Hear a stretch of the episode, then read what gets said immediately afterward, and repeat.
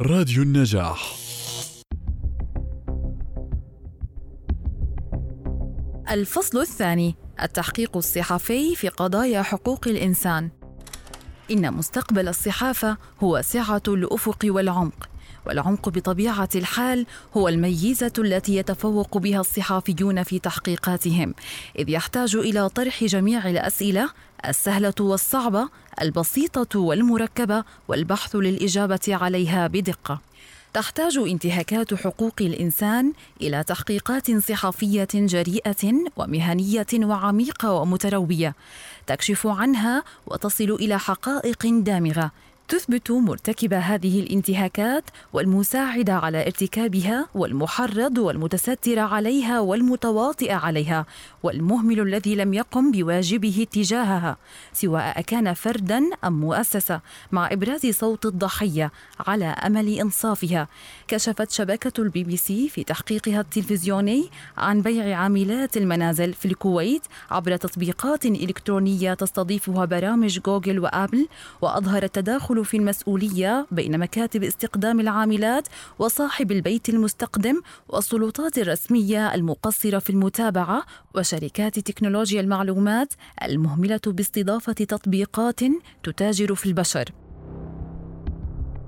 دور الصحافة كشف اين حدث هذا الانتهاك. وهل هو عابر للمنازل والقرى والمدن والحدود؟ وهل حدث في مواقع وأبنية رسمية أو مواقع عامة أو أهلية أو في وسائل النقل العام؟ وما أسباب استخدام هذه الأماكن؟ كشف الصحفي مصطفى المرصفاوي إساءة معاملة المجندين في مراكز الأمن المركزي المصرية والصحافيه حنان الخندقجي كشفت عن سوء معاملة ذوي الإعاقة في دور الرعاية المعوقين الخاصة في الأردن. تعالج الصحافة التحقيقية الانتهاك وتحدده بدقة وتكشف ماهيته وصفاته وحجمه وقوته وأثره على الناس أو جزءا منهم وتكشف على من وقع ومن هم الناس وما أعمارهم وصفاتهم وأجناسهم وأعراقهم. هل هم فئات مهمشة وضعيفة وهل هم من الفئات التي تواجه التمييز والتنمر والتأطير؟ لماذا وقع على هذه الفئات بالتحديد؟ وهل سبق أن وقع هذا الانتهاك؟ وعلى من؟ كيف عولج؟ هل أنصف الضحايا؟ هل حوسب المتسبب؟ هل حدث تغيير في منظومة القوانين والأنظمة؟ وكيف تعاملت معه المحاكم والحكومة والبرلمان ومؤسسات المجتمع المدني؟ تبين الصحافة التحقيقية ماذا حدث، كيف حدث الانتهاك وظروفه والأدوات المستخدمة والقانون المخروق والمخالفة الدستورية، وتفسر الصحافة لماذا حدث الانتهاك وأسبابه ومسبباته. مثلا كشف موقع مدى مصر كيف استغلت السلطات القضائية المصرية الحبس الاحتياطي بشكل جائر ومخالف للقانون والدستور والشرعة الدولية لحقوق الإنسان، بحيث أصبح أداة لمعاقبة المعارضين والخصوم السياسيين بحشد حريتهم لسنوات وإيذائهم نفسيا وبدنيا. تحتاج الإجابة عن هذه التساؤلات المتعددة في مادة صحفية واحدة إلى سلسلة من الخطوات المتوازية والمتقاطعة تشكل منهجية علمية تستند إلى البحث والتوثيق والتحقيق فهي عملية تحقيقية تهدف للوصول إلى الحقيقة واليقين حول الانتهاك موضوع القصة الصحفية. توضع الإجابة عن هذه الأسئلة في مادة واحدة. مادة صحفية متكاملة أمام الجمهور تجيب على أسئلته وفضوله وتثير غضبه وسخطه حيال انتهاك الحق الإنساني في المادة الصحفية ما يدفعه لعمل سلمي يؤدي إلى التغيير. وفي حال كانت المادة الإخبارية بسيطة لا تجيب عن الأسئلة العميقة للجمهور ولا تكشف الحقيقة الكاملة وسياقها وشخوصها فقد لا تساهم في إحداث حل أو تغيير إيجابي وسيبقى الانتهاك ويستمر وينال من ضحايا آخرين. تعددت تعريفات التحقيق الصحفي في الكتب والأدلة الصحفية والمناهج الدراسية في الجامعات.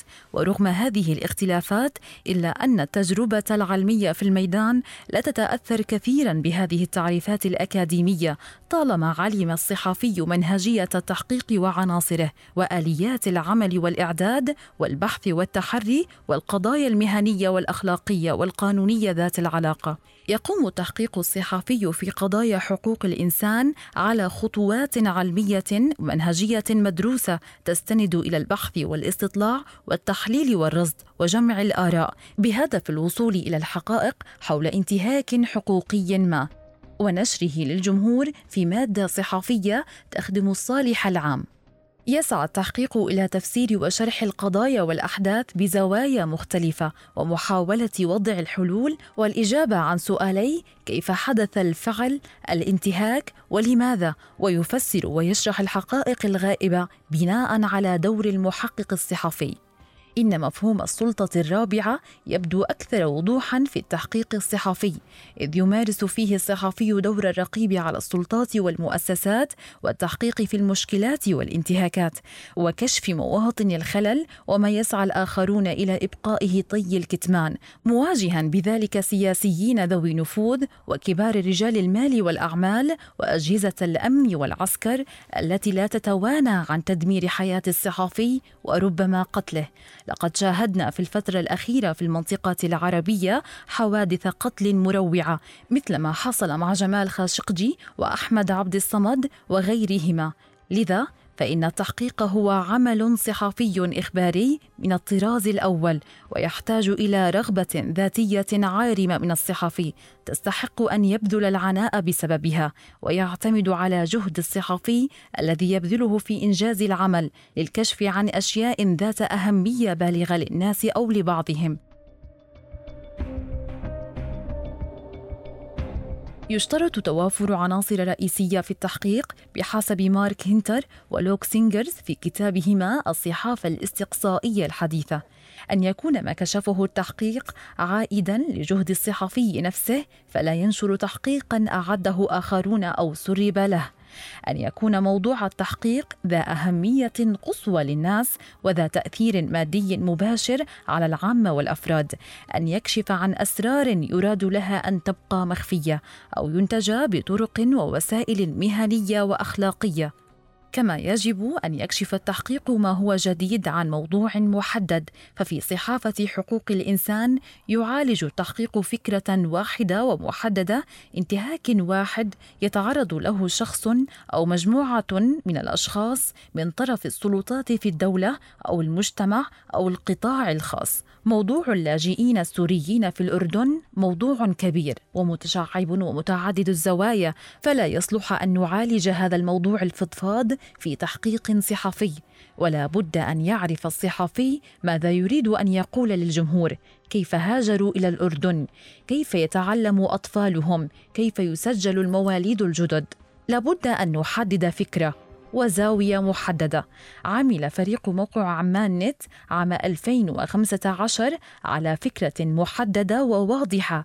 تعالج طرد السلطات الأردنية للاجئين السوريين إلى سوريا وتعريض حياتهم للخطر خلافا لاتفاقية مناهضة التعذيب واتفاقيات جنيف ومذكرة التفاهم الموقعة بين الأردن والمفوضية السامية لشؤون اللاجئين أو كما كشف الموقع ذاته عن حجز السلطات الأمنية الأردنية لوثائق الثبوتية للاجئين ما خلق سوقا سوداء بين رجال أمن لإعادة الوثائق وإرجاعها لأصحابها.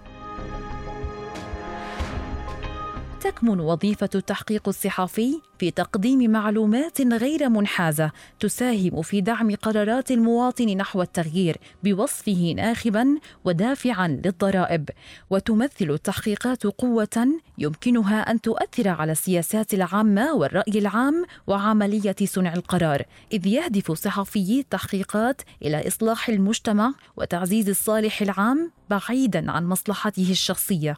كما تدافع التحقيقات عن النزاهة والمصداقية وتتصدى للفساد بأشكاله وتكشف الانتهاكات المريعة والمجازر التي تقترفها الجيوش في الحروب. كما فعل الصحفي سيمور هيرش في عام 1968 عندما كشف عن مقتل نحو 600 شخص في مذبحة ماي لاي في فيتنام على أيدي الجنود الأمريكان. في الوقت الذي كان انتقاد الجيش الأمريكي خاصة في زمن الحرب من المحرمات.